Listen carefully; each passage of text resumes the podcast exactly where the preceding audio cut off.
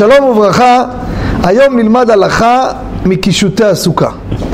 מצוי מאוד, אדם קונה קישוטים לסוכה, קישוטים לא כל כך יקרים, שהוא כל שנה מחליף, וכתוב על הקישוט, ברוך אתה בבואך, כתוב על הקישוט מודפס, בסוכות, בסוכות ישבו שבעת ימים, כל מיני חצאי פסוקים שמודפסים על הקישוט.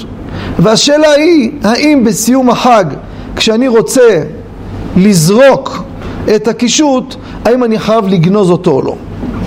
יש הלכה בשולחן ערוך, שאדם שמשתמש בחלקי, חלק מפסוק ללשון מליצית, לפעמים הוא משתמש במכתב למשל, איגרת שלומים, שולח מכתב, משתמש באיזה כמה מילים מהפסוק, לא בתור הזכרת הפסוק או דבר תורה.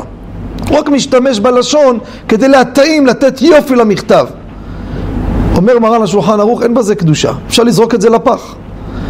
אומר מרן הרב אלישיב, לפי זה, אדם שיש לו פה קישוט, או לדוגמה יש כל מיני חפיסות של מאכלים, או כל מיני אריזות, גם הרב אוירבך מביא את זה, כתוב שם הוראות איך לנקות את העלים מחרקים, לכאורה זה גם הלכה, למה זה כתוב? איך להתנהג? אבל זה לא בטור הלכה, זה בטור או לשון מליצית, או בטור אזהרה להפריש אותך מאיסור.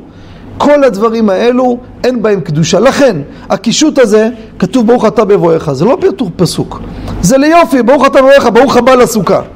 נכון שהשתמשת בחלק מפסוק, אבל אין בזה קדושה, מותר לזרוק את זה לאשפה ואין חובה לגנוז את זה. תודה רבה וכל טוב.